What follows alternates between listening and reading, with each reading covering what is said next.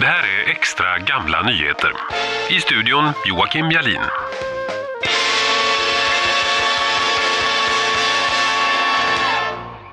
Politik 1983 Riksdagsdebatt om fika. Frågan huruvida fritt kaffe med bulle på arbetsplatsen skulle betraktas som skattepliktig löneförmån blev den 8 april föremål för en uppmärksammad debatt i riksdagen.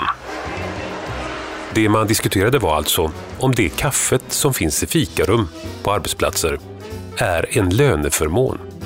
För om det är så, så blir den som dricker kaffet, alltså den anställde, förmånsbeskattad. Debatten föranleddes av ett yttrande från traktamentesbeskattningssakkunniga i vilket förebådades intensifierad skattebevakning av så kallade naturaförmåner. Detta gällde till exempel fria semesterstugor, subventionerade måltider etc. Enligt finansminister Kjell-Olof Feldt skulle dock kaffet och bullen gå fria från förmånsbeskattning i enlighet med Riksskatteverkets anvisningar. Idag så räknar man utgifter för enklare fika som kaffe, te, juice och kakor som en avdragsgill och därmed skattefri personalförmån så länge alla anställda erbjuds samma sak och att den inte går att byta mot pengar.